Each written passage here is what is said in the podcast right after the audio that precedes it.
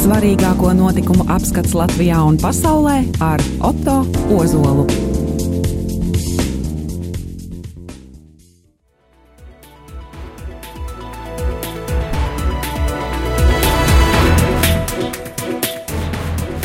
Labdien, cienījamie radiokamā arī klausītāji! Ir kārtībā mēneša svarīgāko notikumu apskats studijā atkal esmu es, Otto Ozols. Atgādinu, ka esmu Radio Marija Viļņos katru mēnešu pirmajā pirmdienā, pulkstens piecos pēcpusdienā. Nākošās nepilnas stundas laikā centīšos apskatīt daļu no mūsu prāta ievērības cienīgajiem notikumiem 2019. gada pirmajā mēnesī, janvārī Latvijā un pasaulē.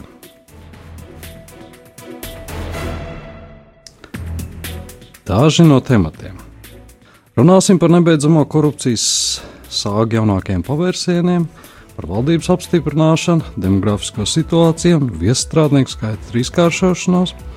Vai tiešām Baltijas valstīs ir vislielākais trūcīgo cilvēku skaits Eiropas Savienībā?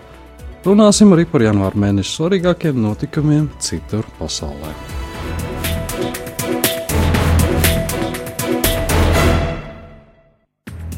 Janvārs sākās ar ziņu par valdības ierēģu sevis meklējumiem. La Laikraksts Latvijas avīzes, Latvijas avīzes ziņoja, ka kopumā 20 valsts pārvaldes iestāžu vadītāji un viņu vietnieki pērn par vairāk nekā 6000 eiro apguvuši teikt, sevis atrašanās mākslu, pamošanos, ķermeņa skenēšanas meditāciju.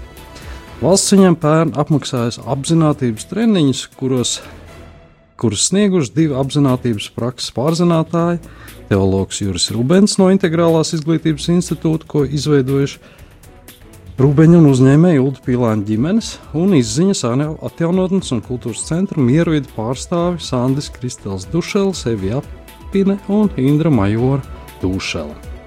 Valsts kancelēs direktora vietniece Baida Medvedska Vērtējot kursos apgūto, laikrakstam atzinusi, ka rubeņa lekcijas un apziņotības praktizēšana ļauj piedzīvot domāšanas maiņu, kad, citēju, no pareizajiem un bieži vien izslēdzošiem viedokļiem, pārējiem uz atvērtību un plašāku kontekstu uztveršanu, dažād, dažādā pieņemšana bez aizspriedumiem.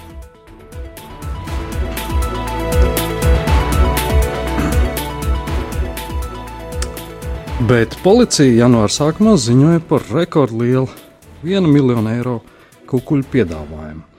Uzzinājām, ka ģenerāla prokuratūra apsūd, uzrādījusi apsūdzību kādam Krievijas pilsonim par vairāk nekā 1 miljonu eiro lielu kukuļu piedāvāšanu valsts policijas amatpersonai. Tā medijiem apliecināja prokuratūras sabiedrisko attiecību speciālists un rēķi.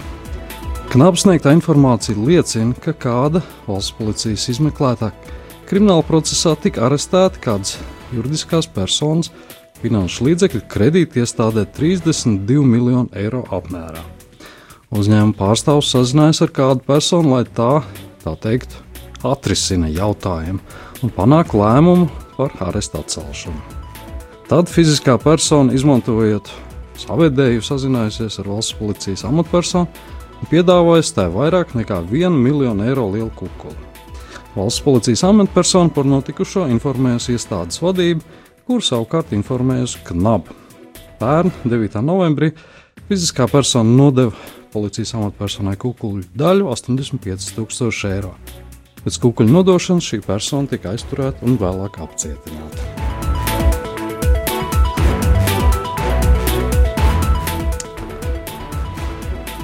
Janvārī turpinājās kāda cita iespējamās liela apjoma korupcijas sāga. Rīgas apgabala tiesa nolēma paturēt apcietinājumā krimināla procesā par nelikmību Rīgas pašvaldības uzņēmumā Rīgas satiksmi iepirkumos aizdomās turēto uzņēmēju Māri Martinsonu. Vai jau ziņojām iepriekš, ka knap novembrī sāka krimināla procesa saistībā ar Rīgas satiksmes veiktiem iepirkumiem. Knap veids procesuālas darbības, tostarp vairāk nekā 30 kratīšanas. Krimināla procesā aizturēts kopumā 8 personas, 6 Latvijā, bet 2 Polijā. Starp aizturētajām personām ir arī bijušais Rīgas satiksmes valdes priekšsēdētājs Leons Pemhens.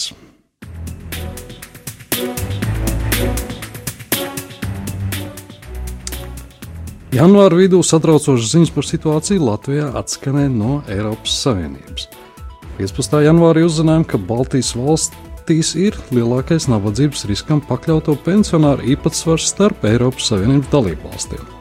Tā liecina publiskātie Eiropas Savienības statistikas pārvaldes Eurostat dati, kas apkopoti par 2017. gadu.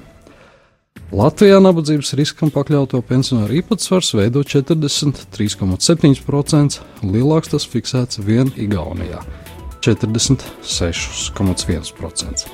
Lietuvā šāda pensionāra īpatsvars 2017. gadā bijis ievērojami mazāk - 36,7%.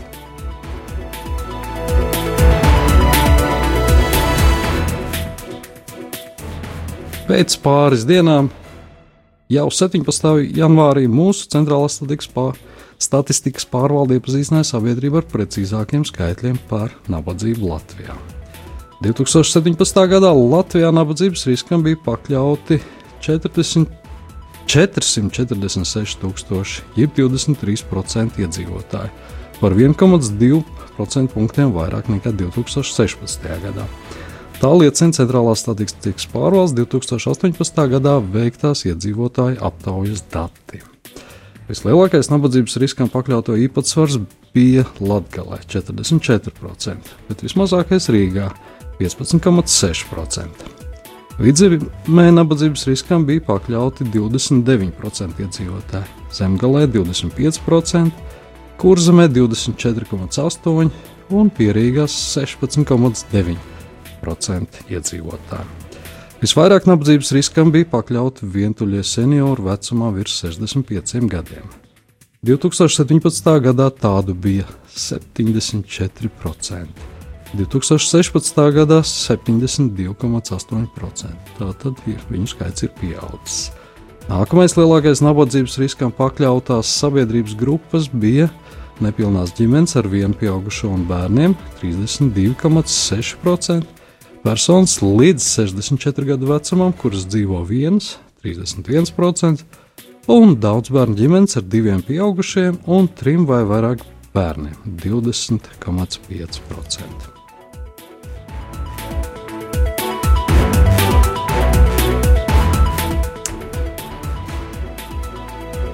Tāpat janvāra vidū saņēmām kārtējo skumju atgādinājumu par demografisko situāciju Latvijā.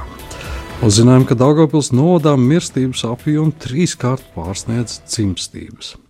2018. gadā Daugopils novadā miruši 418 iedzīvotāji, kas ir trīsreiz vairāk par 143 dzimušiem mazuļiem. Tā liecina novada dzimtsaraksts nodaļas apkopoto dati.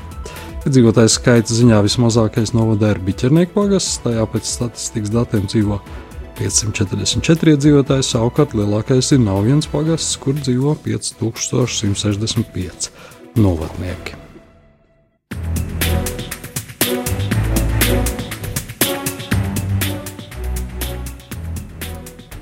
Ņemot vērā, ka dēļ sliktās demogrāfiskās situācijas Latvijā aizvien lielāks ir pieprasījums pēc viestrādniekiem, Ziņu portāls Delfī apskatīja tuvāk šo jautājumu pētījumā Viestrādnieki šodien, kas jau tagad strādā Latvijā. Izrādās, ka kopējais izsniegto darbu atļauju skaits Latvijā pagaidām nav liels, taču tās pastāvīgi aug. Pēdējo septiņu gadu laikā kopējais pilsonības un migrācijas lietu pārvaldes izsniegto nodarbinātības atļauju skaits trešo valstu pilsoņiem, tas ir ārpus Eiropas Savienības dzīvojošiem iepriekš, ir vairāk nekā četrkāršojies. Ja 2012. gadā ārvalstniekiem izsniegto atļauju skaits darbam Latvijā bija 2500, tad jau 2018. gadā jau 11300. Tipisks viestrādnieks Latvijā ir šāds: vīrietis no Ukrainas vai Baltkrievijas, tālbraucējs vai informāciju tehnoloģiju nozares darbinieks. 2017. gadā strādāt uz Latviju vairāk brauc Krievijas, Ukrainas, Baltkrievijas un Azerbaidžānas pilsoņi. Interesanti, ka izsniegta uzturēšanās atļauju ziņā vislielākais pieaugums ir indiešiem. Ja 2014. gadā šīs valsts pilsoņiem tika izdotas 168 uzturēšanās atļaujas, tad pērn tās saņēma jau 783. Bet tas varētu būt skaidrojums ar to, ka no šīs valsts pie mums brauc mācīties ļoti daudz studentu jau ilgāku, jau ilgus gadus Latvijā, Latvijā ir negatīvs migrācijas saldo, proti, vairāk cilvēku Latvijā ierodās, vairāk cilvēku no Latvijas aizbrauc nekā ierodās. Kopš Latvijas iestāšanās Eiropas Savienībā 2004. gadā no valsts aizbraukuši vismaz 300 tūkstoši iedzīvotāji. Ik gadu Latvija zaudē ap 18 līdz 20 tūkstošiem cilvēku, un visi mēģinājumi ar remigrācijas politiku izlīdzināt negatīvo migrāciju pagaidām nav devušas jūtamu efektu. Kaut gan patiesībā pēc citiem datiem 2018. gads iezīmēs ar zināmu stabilizāciju šajā jautājumā. Kopā neatliek vien pievienot dzimstību samazināšanos un Latvijas sabiedrības kopējā novecošanos. Secinājums - ārkārtīgi nelabvēlīgā demografiskā situācija, kurai nav perspektīvas uzlaboties ar iekšējo rezervu palīdzību tuvāko 10-15 gadu laikā. To savā pētījumā norādīja portāls Delfī.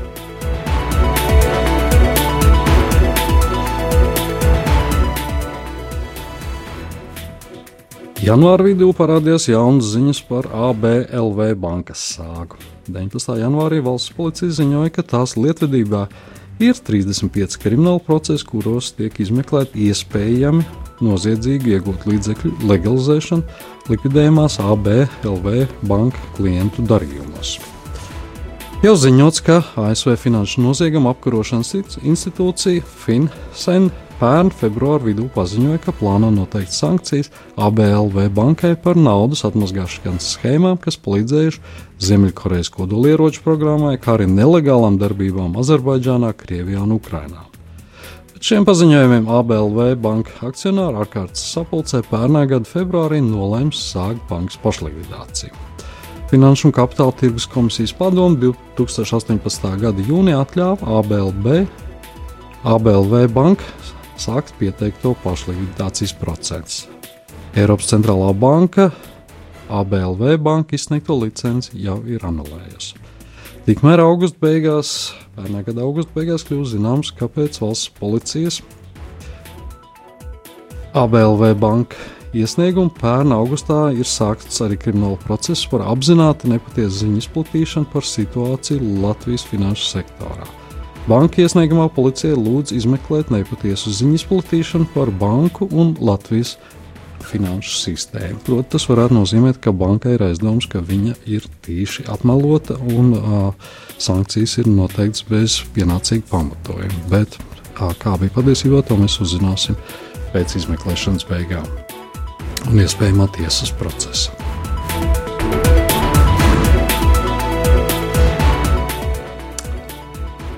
23. janvārī Latvijā beidzot tika apstiprināta valdība. Pēc tevis 16 nedēļu gara valdības veidošanas procesa tām tika pielikts punkts. Saima 23. janvāra ārkārtas sēdē apstiprināja Krišāņa Kariņa no jaunās vienotības izveidoto ministru kabinetu. Līdz ar jauno valdību izveidojusies arī neikdienišķa situācija parlamentā, radot oficiālu koalīcijas opozīciju. Par to mazliet vēlāk, kā tas varēja notikt. Pār valdību nobalsoja 61 deputāts no jaunās vienotības, partija apvienības attīstībai pār, jaunās konservatīvās partijas, KPLV, LV un Nacionālās apvienības visu Latvijai tēvzemē un brīvībai. Pret balsoja 39 deputāti, visi saskaņas un Zaļo zemnieku savienības deputāti, kā arī 5 parlamentārieši no KPLV. PLV. Aldis Gobzems, Linda Liepiņa, Digis Šmits, Karina Sprūde un Iveta Benhena Bēkena. Tas nozīmē, ka KPV LV pārstāvji šobrīd ir gan valdības pusē, gan arī opozīcijā. Kariņu valdība turpinās, Kariņu valdībā darbu turpinās četri ministri no iepriekšējā ministra kabineta. Līdz šim jau amats saglabās divi ministri, savukārt divi ministri vadīs citas ministrijas. Jaunā vienotība bez ministra prezidenta amata uzņemsies atbildību par finanšu ministriju un ārlietu ministriju. Finanšu ministrs būs Jānis Reirs, savukārt ārlietu Edgars Rinkēvičs. Partija KPV LV uzņemsies rūpes par iekšlietu ministriju, ekonomikas ministriju un labklājības ministriju. Savukārt jaunā konservatīvā partija par tieslietu ministriju, satiksmes ministriju un izglītības un zinātnes ministriju. Iekšlietu ministrs būs Sandis Ķirģents no KPVLV. Viņa biedrs partijas biedrs būs ekonomikas ministrs Ralfs Nemīro un no šīs pašas partijas arī labklājības ministra Ramona Petrāviča. Tieslietu ministrs būs no jaunās konservatīvās partijas Jānis Bordāns, viņa partijas biedrs būs arī satiksmes ministrs Tālis Linkēns, un šī pati partija ir deleģējusi savu izglītības un zinātnes ministru Ilgu Šuplinsku. Partija apvienība attīstībai pār atbildēs par aizsardzības ministriju, vides aizsardzības un reģionālās attīstības ministriju un veselības ministriju. Aizsardzības ministrs būs Artis Pabriks, par reģioniem atbildēs Juris Pūce, bet veselības ministra būs Ilze Viņķela. Savukārt Nacionālā apvienība atbildēs par kultūras ministriju un zemkopības ministriju. Kultūras ministrs amatā darbu turpinās Dārts Melbārds, savukārt zemkopības ministra amatu ieņems Kaspars Gerhards. Valdības veidošanas sarunas kopumā ilga aptuveni 16 nedēļas.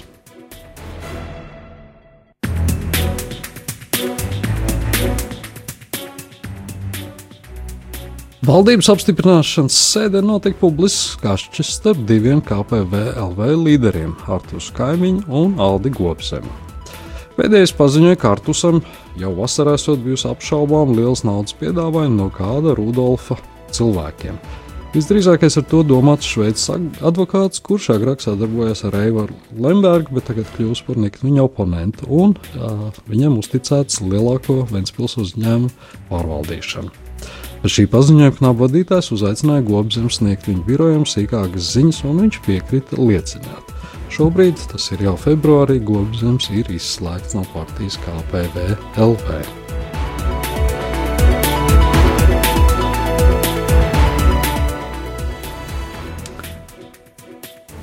Janvāra otrā pusē policija ziņoja par kādu traģisku gadījumu. Šis ir nepolitisks gadījums, bet uh, par to ir uh, ļoti nopietni jārunā. 24. janvāra rītā dzelzceļa posmā Zolītūda depo notika satiksmes negadījums, kurā gāja bojā kāds jaunietis. Negadījums notika 8.20 Rīgā netālu no Zolītūdas stacijas. Zem vilciena pakļuva nepilngadīgs jaunietis un notikuma vietā no gūtajām traumām gāja bojā. Pēc sākotnējās informācijas bojā gājušais jaunietis šķērsoja vilcienu sliežu ceļu pa gājēju pārēju, nepamanot, ka tuvojas vilciens. Tā norādīja likumsargi. Vairāk atsliecinieku policija norādīja, ka jaunietis nav reaģējis uz apkārtējo brīdinājumu saucieniem par tuvojošos vilcienu, kā arī nesot reaģējis uz vilciena skaņas signālu. Kā rezultātā pakļūst zem tā, norāda likumsargi. Visdrīzākais, ka pie vainas bija skaļa mūzikas klausīšanās austiņās, kas neļāva sadzirdēt brīdinājumus par briesmām.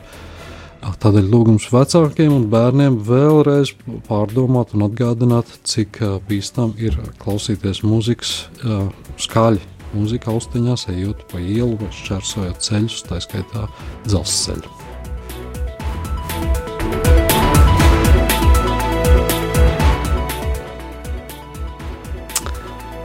Tikmēr turpinājās lielās politikas kaislības. Par pirmo pārsteigumu parūpējās jaunās valdības tieslietu ministrs Jānis Bordāns no jaunās konservatīvās partijas. Saistībā ar prokuratūras lūgumu izdot kriminālu vajāšanai saimnes deputātu, jaunās konservatīvas Vācijas partijas biedru Jūri Jurašu tieslietu ministrs, JKP līderis Jānis Bordāns nosūtīja vēstuli citu valstu vēstniecībām. Vienoto vēstuli Bordāns vēstniecībām nosūtīja 25. janvārī. Ministrs jau iepriekš publiski bija paudis, ka lūgumu izdot kriminālu vajāšanai Jurašu viņš uzskata par politisku izreikināšanos no prokuratūras puses. Vēstniecībām nosūtītajā vēstulē Bordens esot skaidrojis Juraša valsts noslēpuma izpaušanas lietas detaļas un norādīja, ka pieprasījums izdot deputātu sekojas pēc tam, kad JKP savā priekšvēlēšana kampaņā kritizēja ģenerālprokuroru darbu un pieprasīja viņa atkāpšanos no amata. Zem vēstules gan Bordāns parakstījis nevis kā ministrs, bet gan JKP vadītājs. Šāda rīcība apmulsināja daudzus Bordāna atbalstītājus un arī kritiķus. Daudzi pauda neizprat, kāpēc viņš tā bija rīkojies.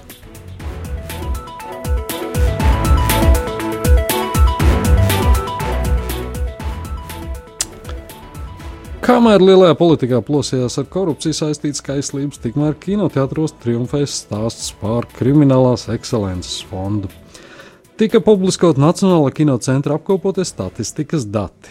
Pašmāju filmu biļešu tirdzniecības apņēmumu ieņēmumi pērn bijuši vairāk nekā 2,5 miljonu eiro lieli. Lielākais, tā teikt, kases grāvis pērn bijusi Oskara Rupenheita filma Krimināls, Kriminālās ekscelences fonds, par kur skatīšanos kinoteātros 82,000 cilvēku samaksājuši kopumā 461 tūkstoti eiro. Te ir jāatgādina, ka filma nav finansēta no Latvijas uh, valsts uh, finansējuma. Otrajā vietā ar biļešu ieņēmumiem 432,000 apmērā ierindojusies Annas Vidulējas filma Homo Novus, uz kuru, kuru uz kinoekrāniem vērojuši 91,000 skatītāju. Savukārt trešā ienesīgākā latviešu filma pērn bijusi Aigara Graubas Namei Gradzens, kas biļešu ieņēmumos no 83,000 skatītājiem gūsi 423,000 eiro. Kinocentra apkopotie dati liecina, ka Kriminālās ekscelences fonds pašmāja kino pērn bijis pat ienesīgāks nekā režisora Brian Singer Bohēmas Rapsodija, kuras ienākumi Latvijā kopumā bijuši 445 tūkstoši eiro.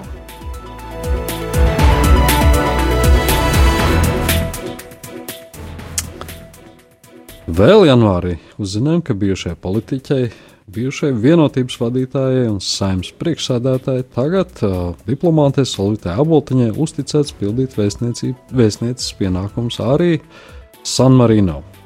Tā liecina publikācija oficiālajā izdevumā Latvijas vēstnesis. Šobrīd viņa jau ir Latvijas vēstniece Itālijā un Maltā. Platības ziņā San Marino ir trešā mazākā valsts Eiropā. Tā ir tikai 61 km2 liela un tur dzīvo 33,000 iedzīvotāji. Tradicionāli uzskata, ka tā dibināta jau tālākajā 301. gadā. Kā ziņots, aizgājusī no politikas aboltiņa pērn februārī sāka darbu ārlietu ministrijas Eiropas departamenta direktora amatā, un viņai tika piešķirts padomnieka diplomātiskais rangs.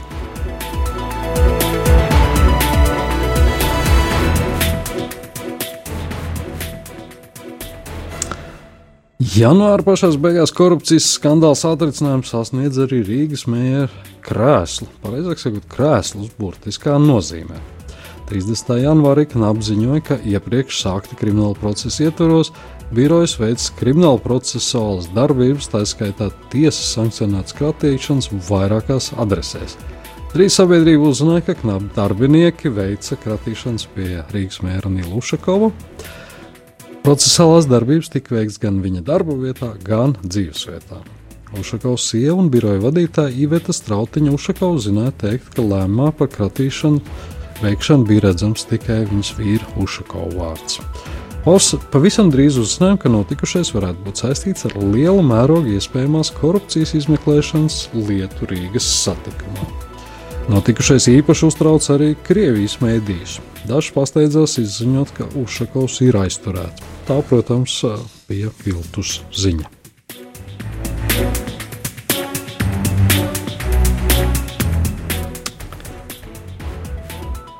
Pašās janvāra beigās saimas deputāti balsojot pieņēma lēmumu izdot iepriekš minēto parlamentārieti Juriju Jurašu no jaunās konservatīvās partijas krimināla vajāšanai. Par jūrašu izdošanu krimināla vajāšanai balsoja 73 deputāti, pret balsoja 17. Pats Jurašs balsoja par savu izdošanu, savukārt pārējie 15 JKP deputāti balsoja pret. Pret balsoja arī divi KPVLV deputāti, Artus Skaimiņš un Aldis Blumbergs. Iepriekš ģenerāla prokuratūra bija nosūtījusi saimē dokumentus, lūdzot krimināla procesā par valsts noslēpumu izpaušanu, krimināla vajāšanai izdot minēto deputātu Juriju Jurašu. Pirms kāda laika Jurašs publiski paziņoja, ka viņam bija piedāvāts kukls, lai bijušā Latvijas dzelzceļa vadītāja Uģa Magons un Igaunijas uzņēmēja Oļeika Osinovska krimināla process tiktu pārkvalificēts no kukuļu ņemšanas uz tirgošanos ar ieteikumu. Tas ir par apsūdzību, par kur draud mazāks sots. Jurašs tolaik vēl Jaroslavs Streļčēnek vadīto knapu un Erika Kalmēra vadīto prokuratūru informēja par to, ka viņu mēģināts piekupļot. Jūrašs apgalvoja, ka nesekojot reakcijai un izmeklēšanai no šī iestāžu puses viņš nolēma par notikušo informēt sabiedrību, izmantojot plašsaziņas līdzekļus, žurnālu ir un Latvijas televīziju. Jūraša oponentiem ir cits viedoklis par viņa patieso rīcību un tās motīviem. Viņi norāda, ka viņa paša liecībās ir redzams pretruns, bet kā bija patiesībā, to patiešām vislabāk varētu noteikt tiesa.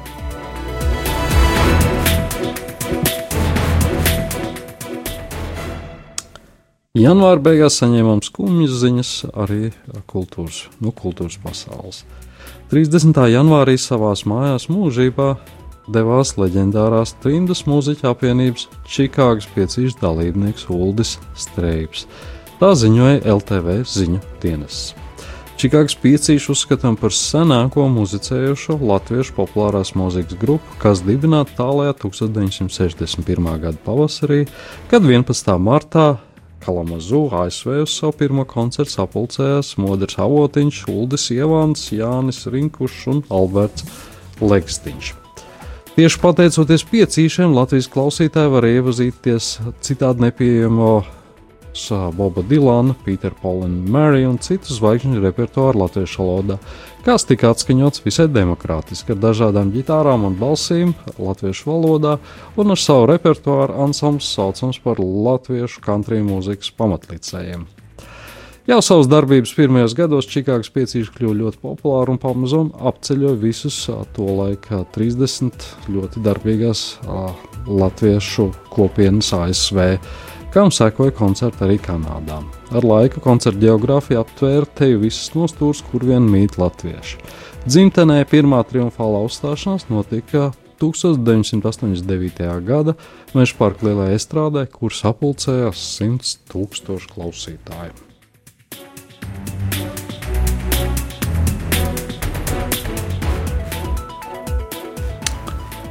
Janvāra beigās uzzinājām, ka čekas maisu lieta nonāks arī uz teātras skatuves. Tika ziņots, ka režisors Alvis Harmans jaunajā Rīgas teātrī iestudēja izrādi par tā dēvēto čekas maisu radītajiem jautājumiem sabiedrībā ar nosaukumu Vēstures izpētes komisija, kuras pirmizrāde lielajā zālē plānota 2. aprīlī. Tā liecina paziņojums teātra mājaslapā. Hermans norādīja, mēs nekad neuzzināsim daudzu čekas maisos atrastos stāstus. Vai nu tāpēc, ka viņi ir miruši, bet tāpēc, ka daudzos gadījumos tie ir pārāk intīmi un personīgi, lai ar tiem dalītos publiski. Gluži tāpat dažādu iemeslu dēļ mēs vairs neuzzināsim daudzu čekas ziņotāju upuru stāstus. Publicētajos sarakstos viņš saka, es atradu daudzus desmitus cilvēkus, kurus pazinu personīgi un par daudz no viņiem privāto dzīves zina pietiekami, lai iztēloties, uz kādu pamatu viņi tur nokļuvuši vai tikuši šantažēti. Par tie topošo izrādi pauda Hermans.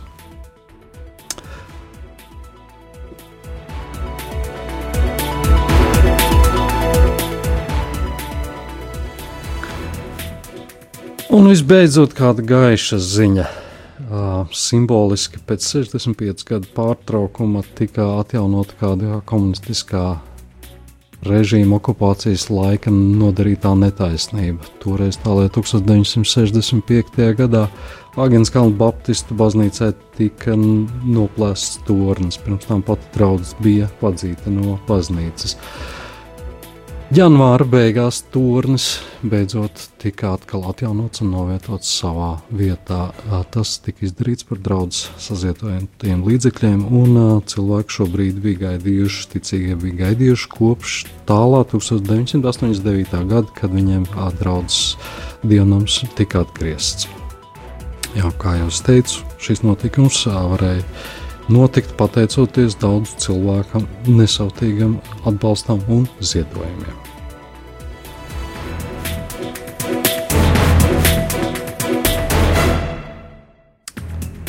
Un tagad laiks nelielai muzikālai pauzai. Pēc tās atgriezīšos ar janvāra mēneša svarīgāko notikumu apskatu citur pasaulē. Atgādinu, ka radio Marijas studijās mēs, Auto Ozols.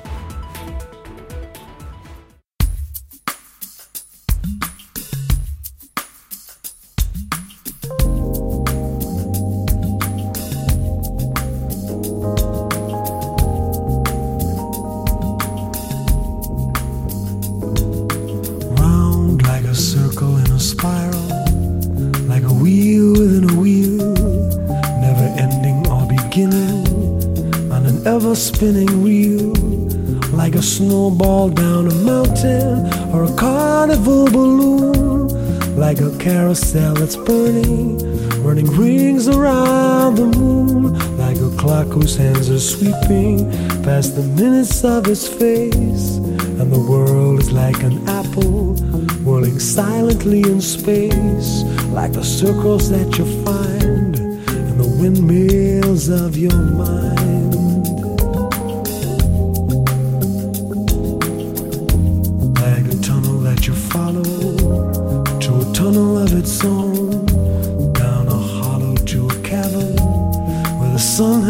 Like a door that keeps revolving in a half forgotten dream. Are the ripples from a pebble someone tosses in a stream, like a clock whose hands are sweeping past the minutes of his face, and the world is like an apple whirling silently in space, like the circles that you find in the windmills of your mind.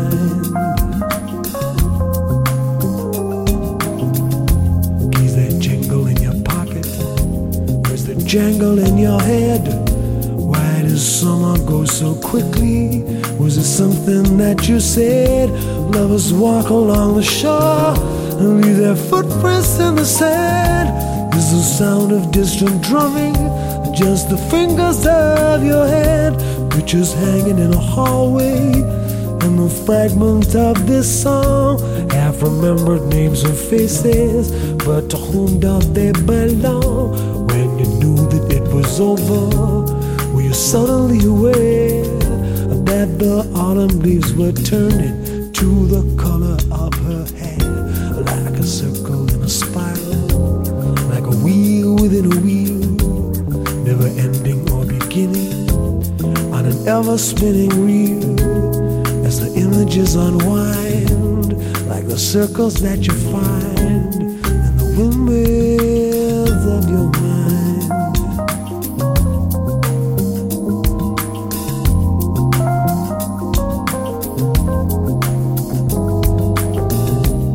Pictures hanging in a hallway, and the fragment of this song have remembered names and faces, but to whom do they belong? When you knew that it was over, were you suddenly aware that the autumn leaves were turning to the color of her hair, like a circle in a spiral, like a wheel within a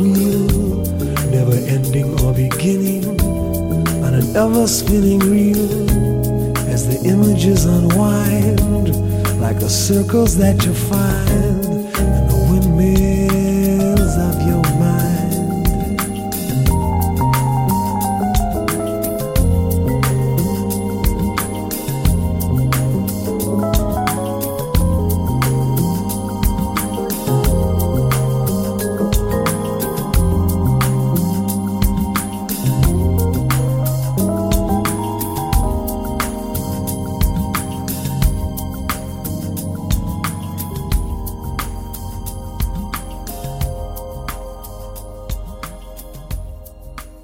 Tikko izskanēja franču komponista Mišela Grāna dziesma Windmills of Your Mind stinga izpildījumā. Kāpēc šādu varbūt rādījumā arī mazliet neparasta muzikas izvēle, par to uzzināsiet ziņā apskata pašā noslēgumā. Atgādinu, ka studijā esmu es, Oto Ozols, un šis ir kārtējais mēneša apskats Radio Marija. Turpinām ar svarīgākiem atskatu svarīgākiem notikumiem janvāra mēnesī ārzemēs.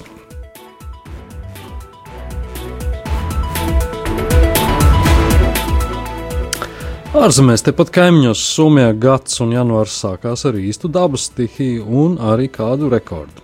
2. janvārī Baltijas jūrā plosījās vētra un Somijā reģistrēts vēja ātruma rekords. Olandē, jeb Alānas salās, Somijas dienvidrietumos reģistrēts vēja brāzmas līdz pat 40 1,6 metriem sekundē. Tā pavēstīja Somijas Meteoroloģiskais institūts. Desmit minūšu vidējais vēja ātrums arhipelāga dienvidu austrumos sasniedza pat 32,1 m2, kas atbilstoši Boforta skalai ir ļoti stipra vētra.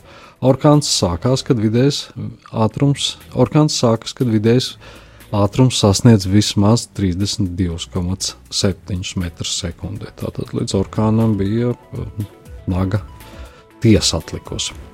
Saskaņā ar provizoriskiem datumiem Somijā ir pārspēts stiprākā vēja rekords, kāds jau kad ir reģistrēts.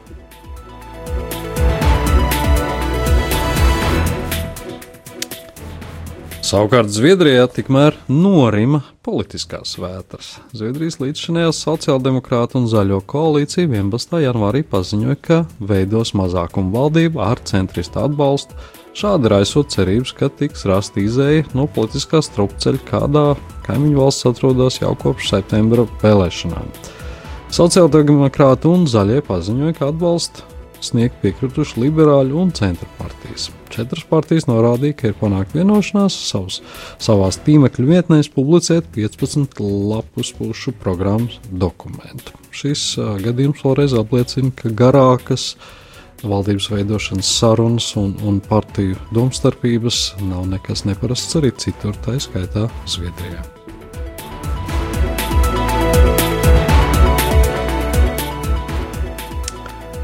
Tikmēr satraucošas un mulsinošas ziņas atskanēja no Amerikas Savienotajām valstīm. Tās saistītas ar Latvijas drošībai tik nozīmīgu NATO militāro aliansi. 15. janvārī uzzinājām, ka vairākas augsta ranga ASV amatpersonas laikrakstam The New York Times atzinušas. Savienoto valstu prezidents Donalds Trumps 2018. gada gaitā privātās sarunās esot vairāk kārt sacījis, ka vēlas, lai ASV izstājas no NATO.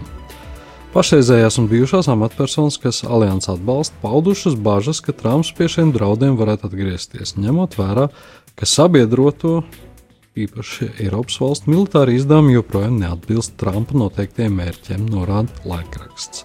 Atgādina, ka pagājušajā gadā Trumps daudziem saviem sabiedrotiem prasīja palielināt atbalstu aizsardzības izdevumus līdz pat 4% no IKP. Ap vasarā notikušā NATO samita laiks Trumps atzins sa savām nacionālās drošības amatpersonām, ka neredz jēgu šajā militārajā aliansē, kas, kā skaidrs, Trumps izsūca ASV resursus. Iepriekš gan tas pats Trumps bargi kritizēja Francijas prezidentu Emmanuelu Macronu par vēlmu veidot Eiropas bruņotos spēkus. To viņš nodēvēs par bezatbildību. Viņuprāt, NATO ir gana droša organizācija kopējās drošības mērķiem.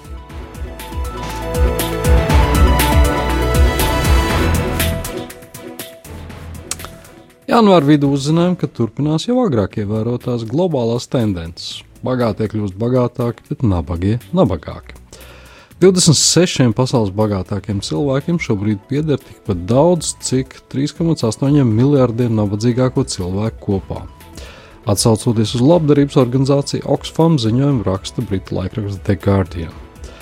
Oksam 2018. gadu raksturojas kā gadu, kurā bagātākie cilvēki kļuvuši bagātāki, bet nabadzīgākie nabadzīgāki. Tāpat organizācijas teiks, ka pieauguši aplaisa starp bagātajiem un nabadzīgajiem iedzīvotājiem negatīvi ietekmē cīņu pret nabadzību. Tā vēsta šīs mēdīs. Organizācija norāda, ka 2200 pasaules miljardieru bagātība aizvadītajā gadā pieaugusi par 900 miljardiem ASV dolāru. Pelnošāko cilvēku bagātība 2018. gadā pieaugusi par 12%. Vienlaikus pasaules iedzīvotāju nabadzīgākās puses ieņēmumi samazinājušies par 11%, saka Oxfam. Ziņojumā atklājušies arī vairāk citi fakti. Piemēram, kopš globālās finanšu krīzes miljardieru skaits pasaulē pieaudzis par gandrīz pusi. Oxfam kampaņas direktors Mētjos Spencers izteicās, ka viens no lielākajiem pēdējo 25 gadu panākumiem ir fakts, ka būtiski krities to cilvēku skaits, kas dzīvo ārkārtīgi lielā nabadzībā taču Spencers piebilda, ka pieaugušā nevienlīdzība iedragā tālāk progresu. Te pašā laikā šī pētījuma kritiķi norāda, ka, lai gan atsevišķu pagātnieku turība augst straujāk nekā citu, tomēr kopējais dzīves līmenis visā pasaulē tomēr turpina pieaugt.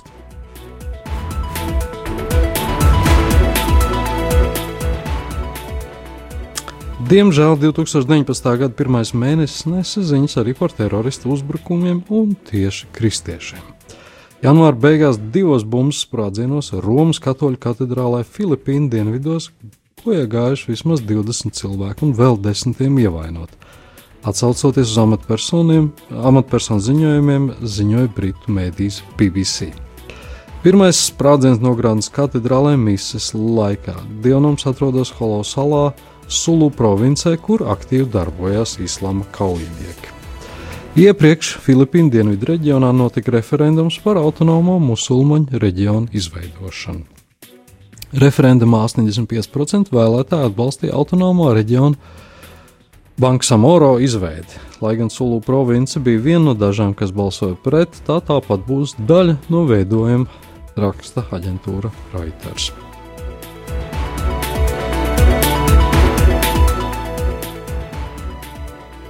Janvāra beigās uzzinājām, ka Eiropā turpina pieaugt atbalsts galēji labējām partijām.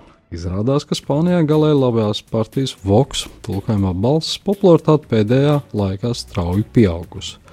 Voks, kas ir salīdzinoši jaunā partija, iegūtu 6,5% ierindojoties 5. vietā. Tā liecina jaunākie, jaunākie aptaujas datu decembrī. Iepriekš, burtiski mēnesi iepriekš, viņas atbalstīja tajos pusi mazākie dzīvotāji tikai 3,7%. Tātad viņa atbalstītais skaits īsā laika posmā burtiski divkāršojies. Līdzīgas tendences redzams pēdējos gados redzams arī Austrijā, Vācijā, Zviedrijā un citur.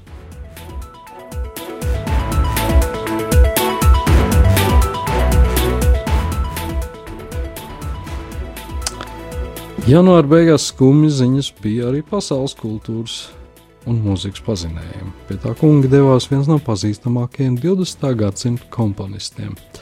26. janvārī 86 gadu vecumā mūžībā aizgājis ražīgais franču komponists, atvainojos, Mišels Legrāns, kurš vairāk nekā pusgadsimtu ilgušās karjeras laikā saņēmis trīs Oskarus.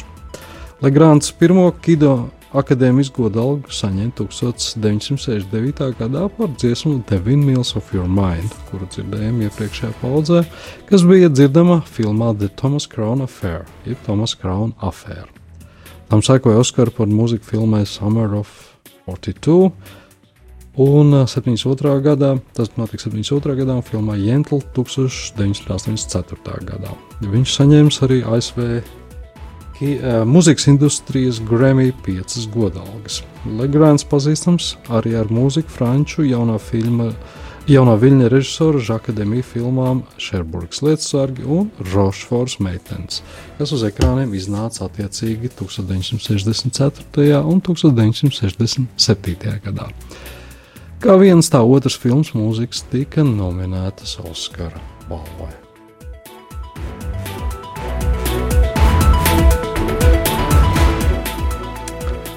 Ar to arī skan radījuma arī mēneša svarīgāko notikumu apskats Latvijā un pasaulē. Studijā bija es, Oto Ozols. Tiekamies atkal martā, kā vienmēr pirmajā pirmdienā, pulkstens piecos pēcpusdienā, Radio Marija Viļņos.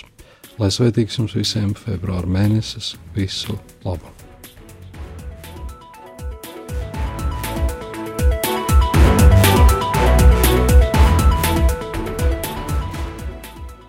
Svarīgāko notikumu apskats Latvijā un pasaulē ar Otto Ozolu.